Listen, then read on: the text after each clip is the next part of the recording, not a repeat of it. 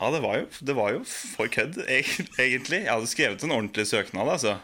Jeg, jeg tenkte, altså jeg, det var ikke sånn halvhjerta at jeg skulle spille dem et puss, på en måte. Nei. Men det var bare sånn For det var en crazy ting å gjøre, og tenk om jeg får et tilbud. Det hadde vært morsomt.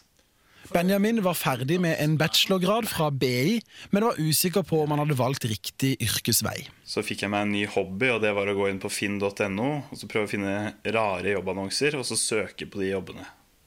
Bare for gøy, egentlig.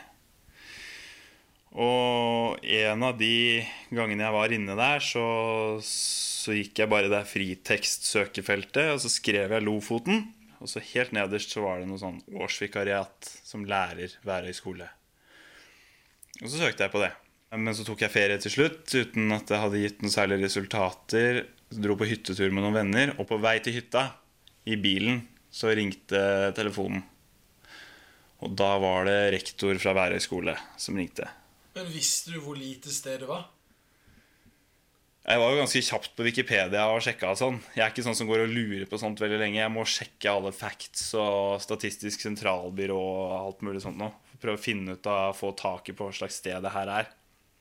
Så tallene hadde jeg jo på bordet relativt kjapt, men hvordan det oppleves å bo her, er jo vanskeligere å google seg fram til. da Men du, du visste vel at ikke det var noe å gjøre her? Ja.